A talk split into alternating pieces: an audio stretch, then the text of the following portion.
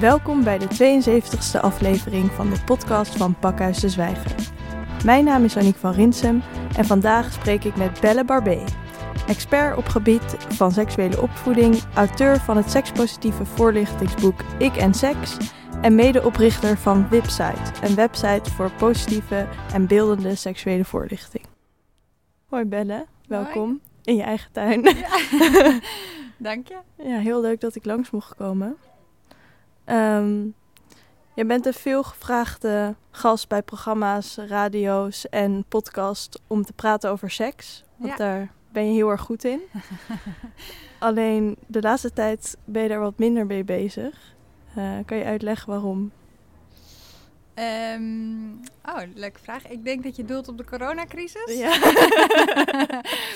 ja, ehm, nou, de scholen zijn natuurlijk dicht. Heel veel van mijn werk ehm, vindt plaats op school. Ik train eh, veel docenten, eh, zowel in het basisonderwijs als in het voortgezet onderwijs. En dat gaat natuurlijk sowieso niet door. En ik moet zeggen, ik heb ook het idee dat veel mensen gewoon wel iets anders aan hun hoofd hebben dan eh, seks. Eh, ik vind het wel interessant hoor, ook om na te denken over wat corona voor een invloed heeft op seksualiteit. Of meer misschien op relatievorming en dat soort dingen. Want wat als je nu single bent bijvoorbeeld. En de term die ik ook wel vaak voorbij hoor komen nu is huidhonger. Veel mensen dat hebben. Maar dat klopt, ik ben even iets heel anders aan het doen. Want ik werk ook voor de GGD. Eh, daar doe ik normaal gesproken dus eh, dingen met seksuele gezondheid op scholen. Eh, en nu ben ik mensen aan het testen op corona. En hoe gaat dat in zijn werk? Mensen Ja, testen dan op ga je corona? met een, een wattenstaafje achter in hun keel of in hun neus. En dan, eh, dit zijn eh, zorgprofessionals die ik test. Die komen dan in de auto aanrijden. En dan worden ze getest en dan rijden ze weer door. Dus jij gaat zeg maar in die auto dan Ja, mensen blijven in hun auto Auto zitten, zitten? En ik sta er buiten in een pak met een schort en een mondkapje en een bril en handschoenen. En dan neem ik de test af. En dan, eh, of ik assisteer. Je doet het altijd met z'n tweeën. Wow. En dan eh, gaat de test... Gaat, Maar eh, dan, dan leun je naar binnen bij diegene in de auto. Nee, niet echt. Ja, met je hand. Maar je handschoen gooi je weg. Oh. Je raakt in principe niks aan. Wow, wat, wat gek. Ja. Hoe is dat voor jou om dat te doen? ja, heel ander werk dan ik normaal gesproken doe. Ja, maar ik vind, het wel, ik vind het wel spannend. Ik vind het wel leuk. Ehm, want heb je ook ooit eerder praktische dingen gedaan in de gezondheidszorg? Nee, nee. En het is ook niet... Ik heb ook gevraagd, heb je hier dan een, een medische achtergrond voor nodig? Eh, en dat is eh, in principe niet zo. Het, het afnemen van zo'n swab is niet zo moeilijk dat, eh, dat je er echt arts of verpleegkundig voor moet zijn. Maar ehm, ja, het is wel iets heel nieuws. Ja. En dat doe je nu fulltime of? Ja, vier dagen per Wow. week. Wow. nou, gelukkig had je vandaag tijd voor mij. Ja.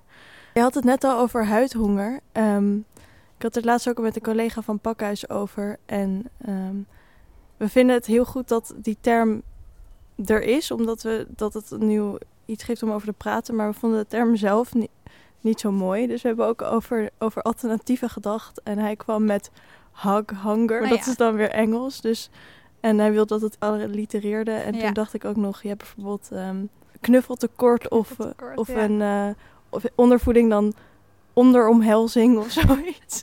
Oh ja. Maar als jij nog een, een leuke weet. Oh, ja. Wat is er mis met huidhonger? Gaat het over het feit dat het dan naakte huid is? Eh, ik, ik vind het, het doet me een beetje denken aan een vleesetende plant. Oh ja. Zeg maar, het heeft iets heel, alsof je huid eh, echt voeding no- nodig Ja. heeft. Zeg maar, ik, terwijl het heeft iets agressiefs of zo. Ik weet niet precies waarom. Maar het is dus eigenlijk het idee dat mensen echt behoefte hebben aan aanraking. Ja. En dat dat echt een, een primaire behoefte is. Ja. Ze hebben ooit wel van die experimenten gedaan ook. eh, toen ethiek nog, wetenschappelijke ethiek nog niet zo hoog eh, in het vaandel stond. Waarbij ze dan baby's eh, wel te eten gaven en verder verzorgden, maar niet vasthielden. En die baby's gingen gewoon dood. Ja, Mensen hebben, daar echt, hebben dat echt nodig. ja dat is echt verschrikkelijk. Ja. Ja, dat soort onderzoeken, Ja. dat dat ooit gebeurd is. Ja. Maar ook best verschrikkelijk dat mensen dus aanraking nodig hebben. Maar denk ik best wel veel mensen nu, maar ook überhaupt geen aanraking krijgen van Ja. anderen. Ja, zeker. Ja. ja, en dat is dus nog iets anders dan je eenzaam voelen. Dat, zijn, dat komt er dan ook nog eens bovenop als je niemand hebt op dit moment.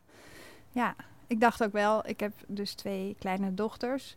En ik zat van de week ook wat na te denken over als dit nou onze samenleving wordt. Hè, als zij opgroeien in een anderhalve meter samenleving. Ik hoop nog steeds dat het gewoon over een jaar of dat ze er helemaal vanaf zijn of over twee jaar. Maar ik denk wel, ja, hoe, ga je dan een, hoe vind je dan een partner?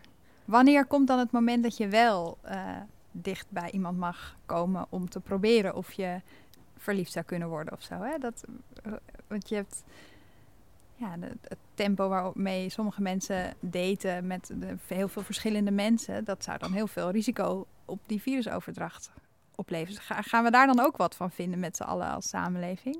Gek om over na te denken. Ja, ik hoorde wel van iemand die was op een frisbee date gegaan. Maar dan ja. moet je wel elke keer eigenlijk die frisbee ontsmetten dus. Ja, ja ook dat ja. Mm. Met handschoenen aan, met frisbeeën. Ja. Maar ja, dan is ook weer de vraag. Oké, dan heb je dus een nieuw iemand ontmoet. Dan ga je frisbeeën.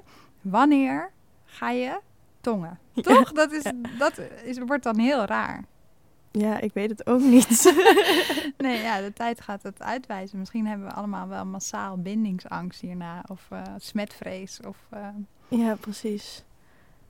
Zet je in je normale werk heel veel in voor de verbetering van seksuele voorlichting. Omdat daar nogal het een en ander beter in kan worden. Wat moet er allemaal veranderen, vind je? Ja, nou, ik moet soms, als het aan mij ligt, heel veel. Dus ik moet soms uh, mijn eigen verwachtingen een beetje bijstellen. Um, maar wat ik het allerbelangrijkst vind en waar, ik altijd heel erg voor um, pleit, is dat het meer moet gaan over plezier. Je ziet vaak dat uh, scholen ook als het gaat over seksualiteit, dan organiseren ze een week van de. En dan gaat het over alcohol, drugs en seks. En dan denk ik, ja, dat dat wil je helemaal niet bij elkaar. Of gokken, ook nog, weet je, alle vervelende dingen. Terwijl seks in de basis iets heel leuks is en iets positiefs is. Iets waar mensen uh, plezier of genot uithalen, maar ook verbinding met een ander. Um, dus dat is, ja, ik vind het zo jammer dat het altijd in het gevarenhoekje wordt gestopt. Um, dus dat wil ik heel graag veranderen. Dat het ook mag gaan over de leuke kanten. En dat er risico's aan vastzitten die je moet weten. En dat je moet weten hoe je je kan beschermen, dat is hartstikke belangrijk. Um, maar dat is niet het enige. En dat lijkt vaak wel zo op het moment. Ja, want jij hebt zelf ook een hele positieve ervaring gehad met seks. En ook jouw moeder, geloof ik, kon heel goed over seks praten. Mijn moeder kon ook heel goed over seks praten. En ik heb daar zelf ook dus veel, heel weinig moeite mee om daarover te praten. Maar voor de mensen die dus het moeilijk vinden. Zeg maar, hoe zou je graag willen dat mensen naar seks keken? Wel net als naar eten. Ik hou ook zelf ontzettend van eten en koken. En ik denk wat je ziet, heel veel mensen eten vies. In Nederland, vind ik in ieder geval. Um, we hebben niet echt een etencultuur of zo. Hè? Dat hebben we ook niet met seks of seksualiteit. Uh, seksualiteit is natuurlijk veel breder dan seks is echt het hebben van seks. Maar seksualiteit is alles wat er ook omheen hangt. Um, en wat je bijvoorbeeld ziet de laatste jaren met eten, wat ik heel leuk vind, is dat mensen steeds beter gaan eten. Zelfs op een tankstation kan je nu best wel een goed broodje kopen. Uh, terwijl het eerst altijd van die voorverpakte uh, kleffe witte bolletjes waren. Uh, en als we dat nou ook met seks krijgen, dat we steeds beter weten wat we lekker vinden en dat het belangrijk is om daar aandacht aan te besteden en dat het niet meer een soort van fastfood of kleffe bolletjes zijn, maar dat het gewoon uh, lekkere seks is voor iedereen. En wat is lekkere seks? Ja, dat is natuurlijk voor iedereen verschillend. Um, ik heb dat ook gevraagd. Ik heb, in mijn boek heb ik uh, meer dan 200 jongeren gesproken. Of sommige heb ik echt gesproken in focusgroups. En sommige heb ik uh, via vragenlijsten op internet heb ik antwoorden verzameld. En een van de vragen was: wanneer is seks lekker? En daar kwamen hele verschillende dingen uit. Maar veel gaat over op je gemak zijn. Uh, je op je gemak voelen bij iemand anders. En toch ook heel erg met elkaar praten. Um, want het idee dat de ander met wie je seks hebt, je kan natuurlijk ook met jezelf seks hebben, maar als je met een ander seks hebt, uh, het idee dat die ander dan uh, weet wat jij lekker vindt, dat is natuurlijk heel gek. Want ja, ik heb wel eens het voorbeeld gebruikt, ik drink graag thee uit een glas en niet uit een beker. Um, En dat, ja, dat moet ik dan zeggen. Of eh, als iemand mij thee aanbiedt, dan zeg ik, oh, heb je een glas? Want dat vind ik lekkerder. En dat mensen zijn zo specifiek in allerlei dingen. eh, in van alles. En ook in bed. Dus als je dat niet vertelt, hoe moet een ander dat dan weten? Maar er heerst denk ik ook soms een beetje het idee dat, eh, dat seks er ook beter van wordt als er een soort mysterie omheen hangt. Ja, daar ben ik het echt niet mee eens. En ik ben het daar zelf ook niet mee eens. maar waarom, eh, waarom is dat niet echt een goede gedachtegang? Ja, ik denk dat dat heel erg komt uit, uit films bijvoorbeeld, hè, waarin. eh, en daar zit natuurlijk, ja, die films die worden natuurlijk ook gemaakt op basis van iets wat iemand bedenkt. Dus het, komt ook niet helemaal uit de lucht vallen, maar ehm, ja, daar zit iets, dat idee ook van opposites attract bijvoorbeeld. daar komt een klein meisje even naar de tafel lopen. Hé hey schat, ga je weer even naar boven de tv kijken? We hadden het over films en dat daar ook misschien dat idee van mysterie vandaan komt. Ja, dat, eh, ik denk dat we daar heel erg door beïnvloed worden. Wat ik al zei, dat je een soort van hele heftige, stomige seks hebt, terwijl je helemaal niks met elkaar deelt verder. Ehm, dat, ja, dat klopt gewoon niet, maar het zit wel overal in. Ik weet niet wie dat heeft bedacht dat dat niet sexy zou zijn of zo, om, om wel te praten tijdens de seks. Ehm, maar ja, ik denk dat we daar wel heel erg door beïnvloed worden.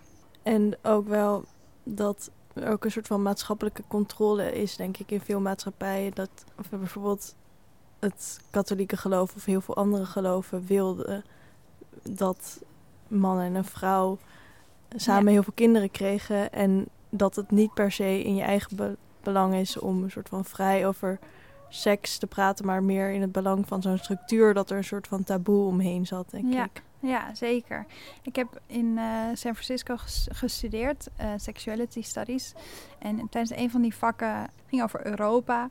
Toen is er op een gegeven moment een hele langdurige oorlog geweest. Waarin er gewoon heel veel mensen dood zijn gegaan. En die religies hebben bedacht van ja, we moeten meer mensen hebben. Dus als onderdeel van de religie was dat je kinderen moest krijgen. Omdat de wereld weer bevolkt moest worden. En dat het eigenlijk daardoor een soort dogmatisch is geworden van... eh, nee, seks is alleen bestemd voor voortplanting. Want ik heb ook gehoord dat de seksuoloog, eh, veel seksuologen het niet definiëren als een fysieke behoefte, maar als een emotionele uiting. Eh, ja, mooi. hoe, hoe kijk jij daar tegenaan? Ja, als je bijvoorbeeld weet dat ehm, heel veel ehm, dieren hebben alleen seks als ze vruchtbaar zijn. En mensen zijn een van de weinige dieren die ook seks hebben buiten eh, hun vruchtbare periode om. Dan nou ja, zie je. Ik denk dat dat komt omdat het dus lekker is, omdat je er plezier aan beleeft. Maar dat emotionele zit er zeker ook in. Dat is die verbinding, wat ik eerder ook al zei. Ja, als je seks hebt met een ander, dan voel je eh, ja, je maakt stofjes vrij. Ehm, dat is een knuffelhormoon, oxytocine. Eh, dat zijn dingen die je ook een lekker gevoel ook na de seks geven. En die de verbinding met je partner ook weer vergroten. Want ook als het bijvoorbeeld gaat om voorlichting, dan, ligt, eh, dan wordt seks ook heel eenzijdig gezien. En dan misschien ligt dat ook weer in het verlengde van dus voortplanting. Maar seks wordt eigenlijk synoniem gezien met penetratie. Ja. Tussen meestal dan ook nog eens een, een man en een vrouw. Ja. Wat is er eigenlijk mis met die definitie van seks? Nou, ten eerste dat er heel veel mensen zijn eh, die niet heteroseksueel zijn. Dus Ja. dat je daarmee al, hè, het feit dat je je richt op penetratie, ja, dan zouden lesbiennes nooit seks hebben. Eh, dus dat is er één. Ehm, en ja, daarnaast dat seks is zoveel meer dan penetratie. Dat is ook, eh, Ellen Laan zegt altijd, eh, nou ja, die is daar echt een vervent eh, een tegenstander van seks is penetratieseks. Ehm, en zij zegt alleen mannen krijgen vaginale orgasmes. Want alleen penetratieseks is voor mannen de, de lekkerste manier om seks te hebben. Voor mensen met een piemel. Ehm, maar voor vrouwen is dat helemaal niet zo, zo ultiem. Omdat je de clitoris op die manier niet goed stimuleert. Ehm, dus voor de helft van de wereld is penetratieseks helemaal niet de lekkerste vorm van seks. Ehm, nou, begin ik daar wel ook. Ik ben het zeker met haar eens, maar ik, ja, ik ken ook gewoon heel veel vrouwen die het wel lekker vinden. Dus we moeten ook niet doen alsof eh, dat iets is wat helemaal slecht is of wat alleen mannen lekker vinden. Maar ja, het is wel zonde dat, om seks alleen als dat te zien. Ja, want ik weet ook nog wel dat uh, veel van mijn vriendinnen dus ook echt neuken en seks hebben het, synoniem vonden. Terwijl mijn moeder echt al zei van nee, neuken is een vorm van seks. Maar je hebt ook nog heel veel andere dingen die je kan doen. En ik ben wel heel blij, denk ik, dat ze dat ja, iemands hand vasthouden kan misschien ook wel seks zijn. Ja. Ja. Hangt er een beetje vanaf op wat voor manier je die hand vasthoudt. ja, of in welk land je woont. Ik bedoel, in sommige landen is het ook zo dat als je handen vasthoudt, nou, dan ben je, hoef je, kan je de rest van je leven niet meer uit elkaar ongeveer. Dan ga je trouwen en dan krijg je kinderen, that's it. Maar ja, ik denk wel dat um, we, als je kijkt weer naar scholen, dat dat heel erg komt omdat het, het gaat over het voorkomen van voortplanting. Dus dat, dat dat ook weer is waardoor we dat op school zo meekrijgen. Dat seks, penetratieseks is, omdat het gaat over uh, voortplanting. Ja, precies. En in hoeverre denk je dat het belangrijk is dat mensen echt vanaf jongs af aan uh, dingen leren over seks? Heel belangrijk. Ik denk um, eigenlijk dat je daar vanaf de geboorte mee moet beginnen. In, in die zin. En dan ja, moet je altijd blijven zeggen: seks is niet hetzelfde als seksualiteit. Seksualiteit is breder.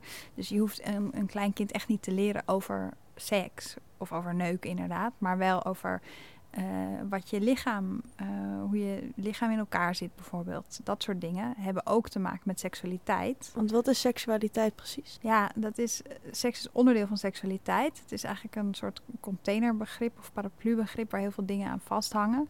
Um, ik weet niet of er. Ik heb, ben een tijdje lid geweest van de Nederlandse Vereniging van Seksologen, of Seksologie moet ik zeggen. En um, daar hebben ze wel zo'n discussie gehad. Volgens mij is er niet één vastomlijnde definitie van, van seksualiteit. Maar wat het voor mij is, is alle individuele gevoelens die je hebt rondom seks uh, en intimiteit en ook jezelf, je eigen lichaam, maar ook hoe de samenleving er naar kijkt. En uh, seksualiteit wordt beïnvloed door uh, allerlei dingen. Door de geschiedenis, maar ook door de politiek. Ik bedoel, als we kijken naar wat er nu aan de hand is uh, met de abortuspeel bijvoorbeeld. Nou, dat is gewoon politiek. En dat heeft wel rechtstreeks invloed op mensen hun seksualiteit. Want er zijn ook dingen die je kan, lekker kan vinden. Um, die denk ik niet per se seksueel zijn. Mm -hmm. um, maar als ik nu jouw definitie van seksualiteit hoor dan denk ik eigenlijk bijna aan alles wat met je, met je lichaam, met je eigen lichaam en je verhouding tot je eigen lichaam te maken heeft. Klopt dat? En waar ligt dan de grens? Zijn er ook dan dingen die met je eigen lichaam te maken hebben in verhouding tot je eigen lichaam die niet onder seksualiteit vallen? Ja, misschien dingen zoals sporten, dat heeft ook met je eigen lichaam te maken. Of goed voor jezelf zorgen, dat soort dingen hebben niet rechtstreeks met seksualiteit te maken. Maar als ik bijvoorbeeld denk over een massage of zo, dat grenst al heel erg dicht aan seksualiteit. Ik bedoel, het is niet voor niks dat er ook wel eens happy ends aan massages vastzitten. Maar een massage op zich is helemaal niet seksueel, maar het kan wel. Dus ja, dat is misschien een vage. En bijvoorbeeld eten, kan dat ook seksueel zijn? Ja, voor sommige mensen wel. Ja. Um, er zijn ook wel uh, leuke kunstenaars en designers die bijvoorbeeld uh, servies maken dat heel erotisch is of zo. Hè? Dat je dus je, je saus uit een bepaalde vulvaachtige kom moet likken. Dat soort uh, dingen. Dus dat zou zeker kunnen. Je hebt ook mensen die het leuk vinden om eten te betrekken in hun seks. Dus ja, dat zou kunnen, maar dat is weer niet voor iedereen. Ja, ik denk dat misschien een belangrijk ding is dat ook niet vast hoeft te staan wat seks is of wat seksualiteit is. Nou, dat is het. En, dat is ook wat nog vaak misgaat, is dat we nog steeds een idee hebben van wat normaal is. En dat uh, het ene uh, beter is dan het andere. Of normaler is ook vaak beter in heel veel mensen hun ogen. Um, en daar moeten we echt van af. Want er is zoveel verschil tussen mensen uh, dat je niet kan. Je kan niet spreken over normaal of niet normaal. Um, dus dat is wel kwalijk. En dat, dat staat ook in de weg voor mensen om echt te ontdekken en, en te uiten wat zij dan het lekkerst vinden. Omdat ze bang zijn dat, het, dat er misschien op neergekeken wordt of dat, ze, ja, dat mensen het gek vinden. Want hoe onderzoek je wat je, wat je lekker vindt? Ja, dat is dan weer toch dat praten erover. Ehm, en het ligt een beetje aan, sommige dingen kun je in je eentje ontdekken en dan hoef je er niet over te praten. Maar als, je, als er dingen zijn waar iemand anders bij betrokken is, dan is echt dat praten zo belangrijk. En het staat zo in contrast met waar, we het net ook over hadden, dat zoveel mensen dat moeilijk kunnen. Dat het ons eigenlijk vanaf jongs af aan wordt aangeleerd dat ja, dat is niet een onderwerp waar je makkelijk over praat.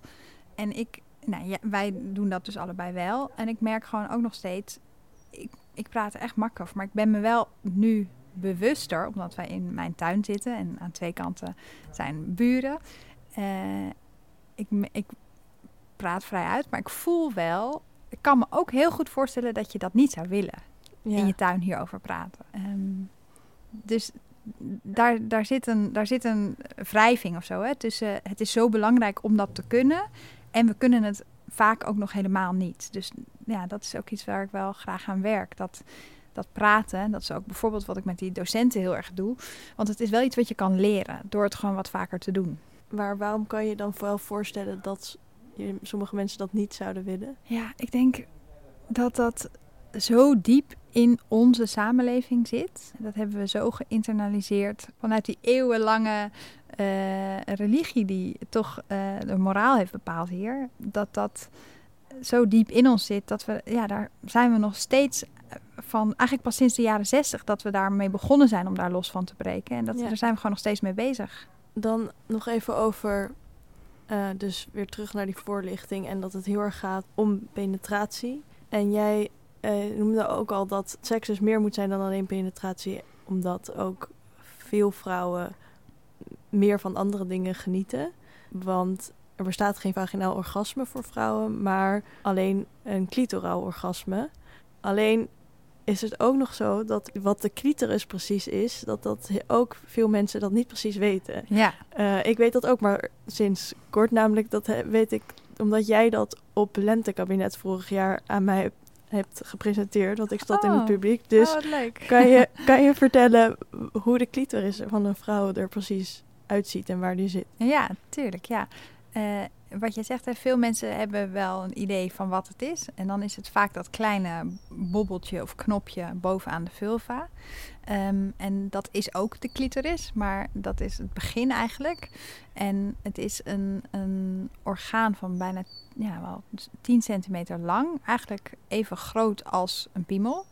Um, en die zit, ja, vanaf dat puntje gaat hij zo eigenlijk achter je schaamlippen ligt hij inwendig. En hij heeft ook vertakkingen. Is er een, een, plek waar mensen die kunnen opzoeken? Die... Ja, als je 3D-clitoris zoekt bijvoorbeeld, dan, of volledige clitoris, uh, zoiets, dan, dan kun je dat echt wel op Google vinden.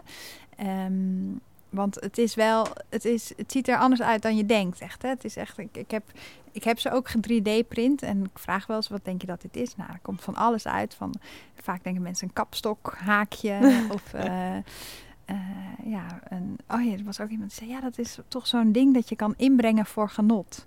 Nou, op zich is het al ingebracht voor genot. Dat is het hele punt ervan. Dus je zat er niet heel ver vanaf, maar we hebben het allemaal al. Um, en, en die clitoris die zwelt ook op. Dus als een vrouw opgewonden is, net als eigenlijk wanneer een man opgewonden is, dan zwelt. Er gaan de zwellichamen in zijn piemel, komt bloed naartoe. En om de piemel zit een laagje huid. Uh, dus dan blijft dat bloed gevangen. Um, en in de vagina, de clitoris zwelt op en uh, dan gaat er dus ook bloed naartoe.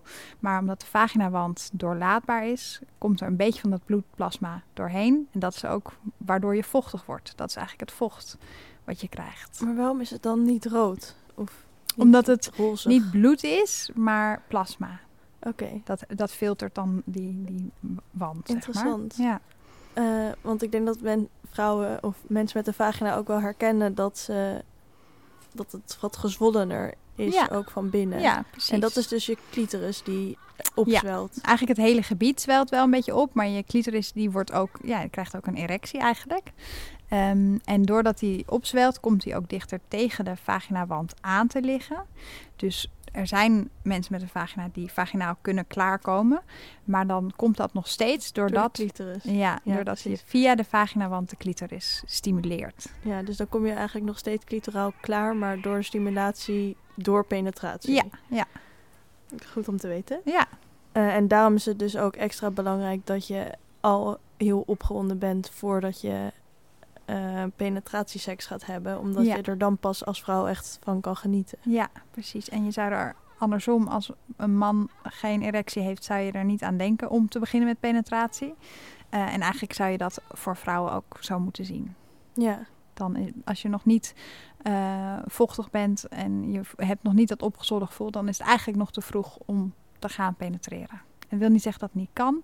En soms zijn er, ja, heb je momenten waarop je het dan toch doet en dan komt het dan op gang. Dus het is niet, eh, het is niet fout als je het anders doet, maar ehm, het in je lekkerste is lichaam werkt het zo. Ja. Ja. Ja. Hoe lang weten we al dat de clitoris er zo op die manier uitziet? Ja, weten we af en aan best wel lang. Hij is er ooit wel bekend geweest en toen is het weer of vergeten of expres eh, eh, weggestopt. Maar eigenlijk in eh, 1998 pas was het een Australische urologe die met echo het zo helemaal in kaart heeft gebracht hoe dat volledige orgaan eruit ziet. Dus dat is echt eh, ja, heel kort geleden. eigenlijk. 1998. Ja, het is 22 jaar geleden. Maar het is ook nog eens zo dat het heel lang niet op die manier in de biologieboeken heeft gestaan. Ja, dat is eigenlijk pas sinds dit jaar in één biologieboek. Ik heb het nog niet gezien, moet ik zeggen. Maar ik weet dat, eh, dat Ellen Laan en haar stichting eh, Seksueel Welzijn Nederland zich daar heel erg hard voor hebben gemaakt. Maar hebben we het nu over academische studieboeken waar de clitoris... Nee, dit eh, gaat over de biologieboeken van de middelbare school. Oké, gelukkig. Dat, dat scheelt wel iets. Ja, maar, Maar toch- ik weet niet of het in alle academische studieboeken wel goed staat. En ik weet bijvoorbeeld dat het op de docentopleiding biologie ook niet erin staat. Ehm, dus het is, het is echt nog. Ja, want ik heb ook gehoord dat er een aantal eh, organisaties waren die ook het belang er niet echt van inzagen om de, een juiste weergave van een clitoris toe te voegen aan hun nieuwe edities. Ja, Dat is toch echt schandalig? ja dat is echt schandalig. Ja. ja, dat is. Nou ja, als je. Hè, wat je, waar we het net over hebben gehad. Als je niet weet hoe jouw lichaam werkt als het opgewonden raakt, dan kan je je voorstellen dat je ja, minder goed weet ook hoe je dat zover kan krijgen. Het is echt wel essentiële informatie om eh, goed te kunnen genieten van seks, vind ik. Ja, er zijn ook gewoon zoveel narratieven van eh, mannelijkheid die dan penetreert. Eh, Zeg maar, dat, he- dat heeft heel veel naslag ook nog in bijvoorbeeld hoe we over bevruchting nadenken. Ja. En dat de, dat het, dat de spermacel eh, de eicel penetreert. In Ja. plaats van dat bijvoorbeeld de spermacel wordt opgenomen door de Ja, eicel. Bijvoorbeeld. Precies. Ja, Dat zijn ook allemaal dingen die best wel veel uitmaken met ook hoe we denken over mannen en Ja. vrouwen en onze rollen zeker. eh, als mens. En ik vind het ook al best wel emanciperend om te denken dat clitoris eigenlijk ook stijf wordt en ja. eh, Het is wat dominanter. Ja. Of het, is, het, is, het is sowieso gelijkwaardiger. Maar inderdaad, wat, je, wa- wat jij ook beschrijft, is dat we mannelijke seksualiteit als iets heel dominants en bijna agressiefs zien en behandelen ook. Eh, en ook bijna gevaarlijk. Hè? Als we het hebben over daders in seksualiteitssituaties, dan zijn dat eigenlijk altijd de mannen. Eh, en vrouwelijke seksualiteit is iets heel passiefs en afwachtends en eh, fragiel ook vaak. Ja, dus dat, daar zitten we heel erg in. Dat heeft ook ontzettend invloed op hoe we seks hebben. Wa- nou, waar we het over hebben gehad, dat penetratie als de seks wordt gezien. Maar ook over wie het initiatief mag nemen tot seks. Eh, vrouwen die dat doen, worden nog steeds vaak bestempeld als slet. En als een man niet het initiatief neemt, dan is hij een loser. ja. Terwijl eh, het eigenlijk dus niet echt per se ergens op gebaseerd het is gewoon iets hoe we het he- altijd hebben gedaan. Maar het Ja. zou net zo goed anders zou kunnen zijn geweest. Zeker, want je ziet dat het in andere culturen ook anders is. Dus dat is echt gewoon de Nederlandse cultuur die ook... En er zijn veel meer culturen die zo in elkaar zitten.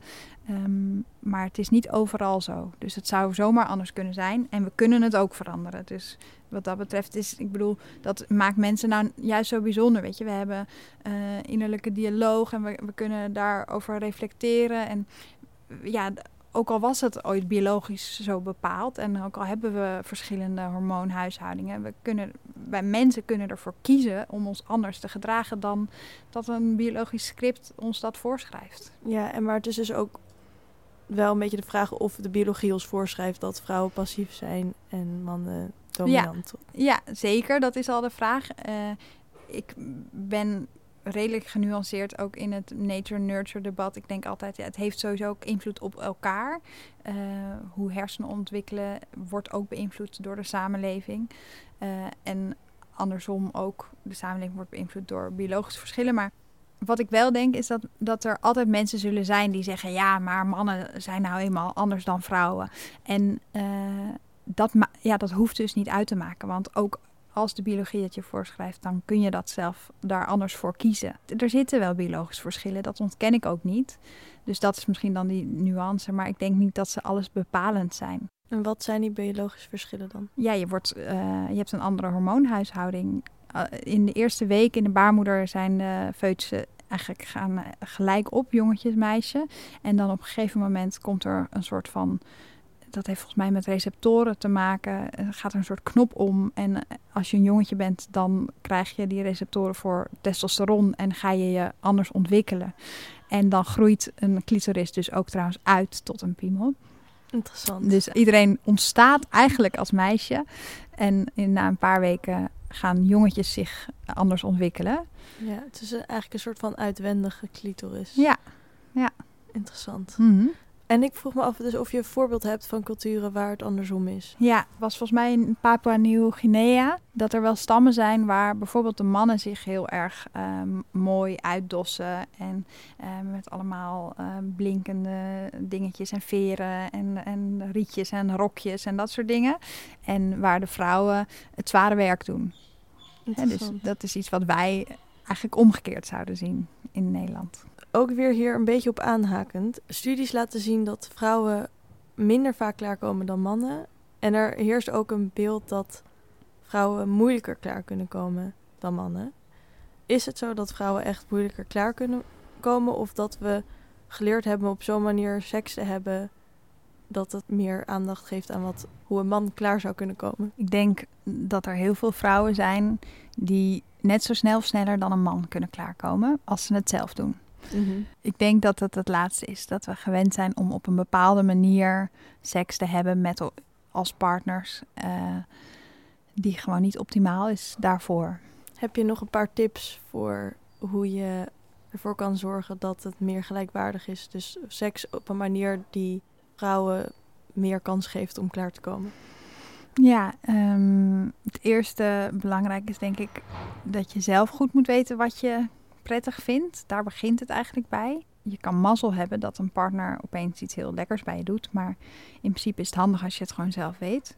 En het tweede is, ik blijf erop hameren, toch weer dat je daarover leert praten. Uh, dus als je eenmaal weet wat je lekker vindt, dat je dan ook dat kunt overbrengen.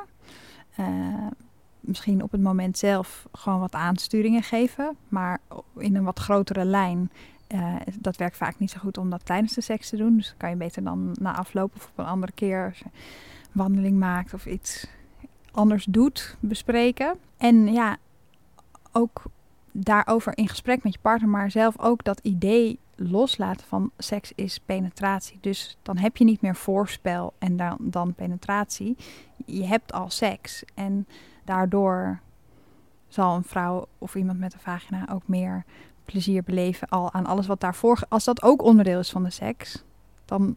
Hè, en daar beleef je dan als, als vrouw ook meer plezier van. En dus ook nadat je gepenetreerd hebt, weer andere dingen kan doen. En dat ja. betekent niet dat je dan weer een stap terug gaat naar ja. voorspel, maar dat het gewoon weer een continuering is van de ja. seks die ja, je hebt. precies. Ja. Ja, we hebben het al even over gehad. Seks als emotionele uiting. jij zou, zei dat je het fijn zou vinden als mensen seks konden vergelijken met eten. Alleen is het denk ik niet per se gezond als je eten als emotionele uiting uh, gebruikt. Uh, bij doen, seks doen ook wel niet veel... in die zin. Nee? Zeg maar, was het... Ja. Nou, je hebt ook mensen die het inzetten als chantagemiddel bijvoorbeeld. Uh, of die obsessief veel bezig zijn met seks. Dat is ook niet gezond. Maar ik snap wel wat je bedoelt. Dit is niet slecht om er veel van te hebben bijvoorbeeld. Als je dan zegt, ja, je moet het ook weer niet te veel gebruiken als emotionele uiting. Is het dan toch een fysieke behoefte is, kunnen we het vergelijken met die huidhonger van we hebben het nou eenmaal nodig en het is ook gezond. Uh, zeg maar, waar zit er? Ja, daar zit er zit aan allebei de kanten zit een grens. En met de, de, de kant van te veel ben ik best ruim. Hè. Op het moment dat je niet meer uh, je studie of je werk kan doen, of uh, je gaat de deur niet meer uit omdat je de hele dag bezig bent met seks. Je hebt fysiek verwond je jezelf omdat je zoveel uh, aan het masturberen bent, bijvoorbeeld. Nou, dat is daar trek ik de grens. Dat is niet meer gezond. Daarvoor kan heel veel. En de andere kant op moet je ook uitkijken dat je zegt van ja, we hebben dit nodig of zo. Hè? Dat is natuurlijk ook wat wel eens gezegd wordt van ja, maar je kan me nu niet meer, uh, we kunnen nu niet meer stoppen, want ik ben nu al zo ver of ik heb al zo lang geen seks gehad. Uh, ik heb het nu echt nodig. Hè? Dus daar zit ook een grens. Ja. Maar alles daartussen kan. En als je daar allebei blij en tevreden mee bent, wordt eigenlijk pas een probleem als uh, de behoefte van de ene heel anders is dan de behoefte van de ander. Dat is dus ook wel echt een, een belangrijk onderwerp in seksualiteit. Dat je dus uh, heel goed ook je grenzen moet aangeven. En dat je eigenlijk nooit iets moet doen wat je niet wil. Ja, dat is, dat is zo in een zekere mate. Want door het op die manier te zeggen, um, leg je ook weer snel de schuld neer bij iemand ja, precies. waar er toch een grens is overschreden. En dan zeg mhm. je van ja, je moet nooit iemand over je grens laten gaan. Maar ja, soms is het niet zo makkelijk om nee. die grens aan te geven. Of soms wist je pas dat die grens er was als iemand er overheen is gegaan. Ja. Dus op dat soort dingen um, moet je dat er wel altijd bij plaatsen. Maar eigenlijk, eigenlijk moet je zeggen, niemand mag ooit over een grens gaan. Dat je gewoon op die manier mensen aanspreekt en niet je moet altijd nee zeggen. Want het is niet jouw verantwoordelijkheid om nee te zeggen. Een ander moet, het is misschien een gedeelde verantwoordelijkheid, maar het gaat ook over degene die de grens overgaat. En niet alleen degene aanspreken die. Want dan krijg je ook weer snel dat we dus meisjes gaan waarschuwen en gaan aanspreken op uh, je moet je grens aangeven. Uh, en dan zeggen we ook nog wel eens tegen jongens van uh, ja, nee is nee. maar ja, dan kan ik er nog weer iets extra's over vertellen, wat het nog verwarrender maakt. Want we leren ook aan meisjes om eerst een paar keer nee te zeggen en dan pas ja. Dus nee is helemaal niet altijd nee. dus het, het wordt heel verwarrend. Dus daar moeten we gewoon duidelijker in zijn. Ja, en ook dat jongens ook geen nee durven zeggen als, het, als ja.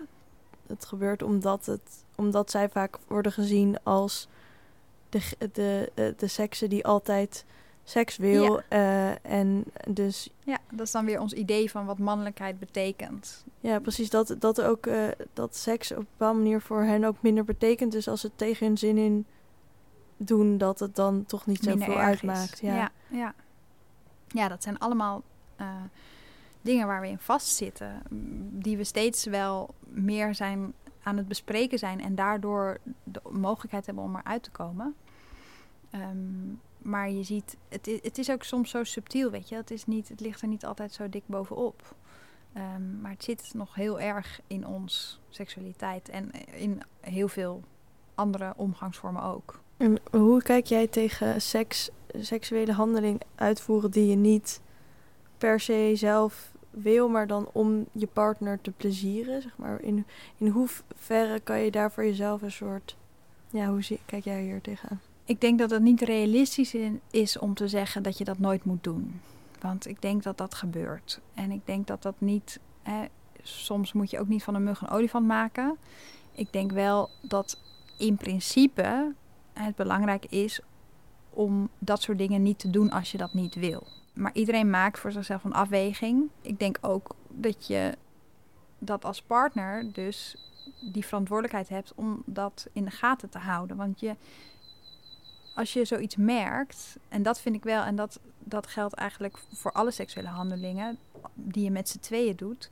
Ehm, mensen zijn best wel goed in het lezen van een ander. Je, je, hebt geen seks met een zak over je hoofd. Je weet wel als iemand heel erg gepassioneerd meedoet, dat die er ook zin in heeft waarschijnlijk. En je kan ook een, bepaalde terughoudendheid voelen soms. En ik vind dat het dan ook de verantwoordelijkheid is van diegene bij wie dan die handeling gedaan wordt, om te checken, is dit wel echt wat je wil? En als dat niet zo is, dan ook te zeggen, nou dan stoppen we ermee. We leven dus in een uh, rare tijd. Jij komt minder aan seks toe omdat je mensen moet uh, testen op corona. Oké, laat ik het anders formuleren. Okay. Jij komt uh, minder toe aan professioneel met seks bezig zijn. Ja. En met voorlichting en ja. uh, over seks specifiek. Omdat je mensen met corona aan het testen bent. Maar ja. ook is in de hele maatschappij uh, seks veranderd. Um, omdat we mensen niet eens meer mogen aanraken. Ja. Um, wat, ja, wat gaat dit betekenen, denk je? Ja, vind ik, zo, ik vind het zo moeilijk. Ik vind het wel echt een interessant gedachte-experiment. Uh, partners mogen elkaar natuurlijk wel aanraken, maar niet-partners mogen elkaar niet aanraken. Um, wat gaat dit betekenen? Ja, uh, nou, wat, wat het positieve ontwikkeling zou kunnen zijn, is dat we minder neerkijken op online daten bijvoorbeeld hierna. Dat het, dat het heel erg. Uh, leuk of positief is om iemand online te leren kennen en op die manier al een relatie helemaal uit te diepen. Um, maar dan heb je die term die we, waarmee we begonnen, dan heb je alsnog die huidhonger die overblijft. Um, en je wil iemand ruiken en voelen. En uh, dat, er komt een moment waarop je dat wil gaan doen. Maar wanneer dat dan kan in die anderhalve meter samenleving, dat blijft voor mij ook nog een raadsel. Ja, want je mag je partner aanraken. Maar denk je dat dan mensen veel sneller uh, dan maar net zo een soort van. In sommige culturen kun je ook een huwelijk voor een, uh, een paar dagen afsluiten oh, of ja. zo. Misschien krijgen we dat ook wel in, in ja. Nederland. Ja, ik vind eigenlijk dat ze daar uh, voor singles gewoon een uitzondering moeten maken. Dat je gewoon nog steeds mag kijken of je iemand leuk vindt of niet. Ja, nou ja, we gaan, we gaan Fysiek. het zien. Ja, ja. Of je moet het stiekem thuis in de kelder. Ja, precies.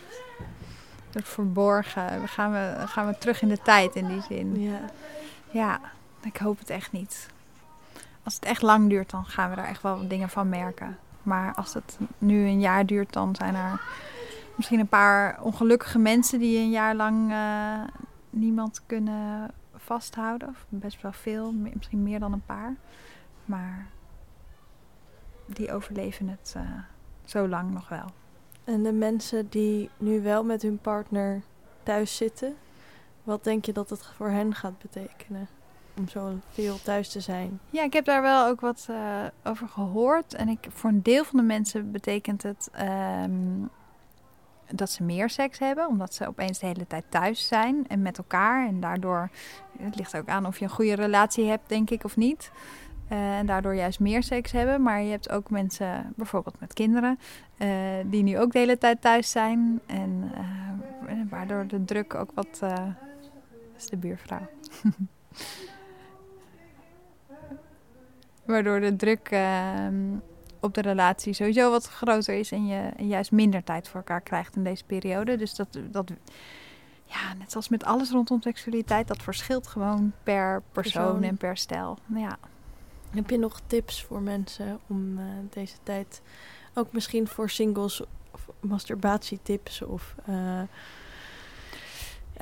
Um, ja, wat een leuke is, maar dat is dan niet voor singles, maar dat is dan alvast voor alle singles die met uh, vrouwen of mensen met een vagina seks willen hebben. Uh, oh my god, yes. Want daar kan je oefenen.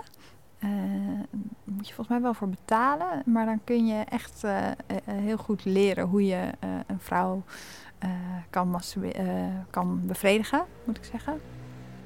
Dat is een leuke om huiswerk alvast te doen voor als je wel weer mag. en zelf.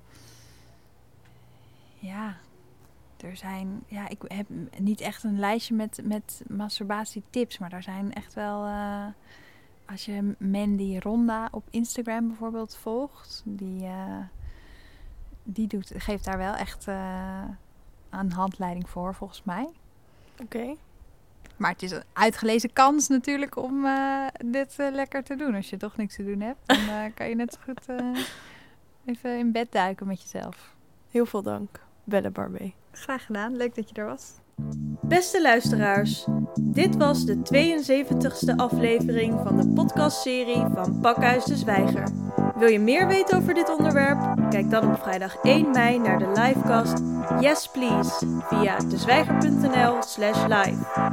Een rating achterlaten of je abonneren op deze podcast kan via Soundcloud, Spotify, iTunes of een ander podcastplatform. Dank voor het luisteren en tot de volgende keer.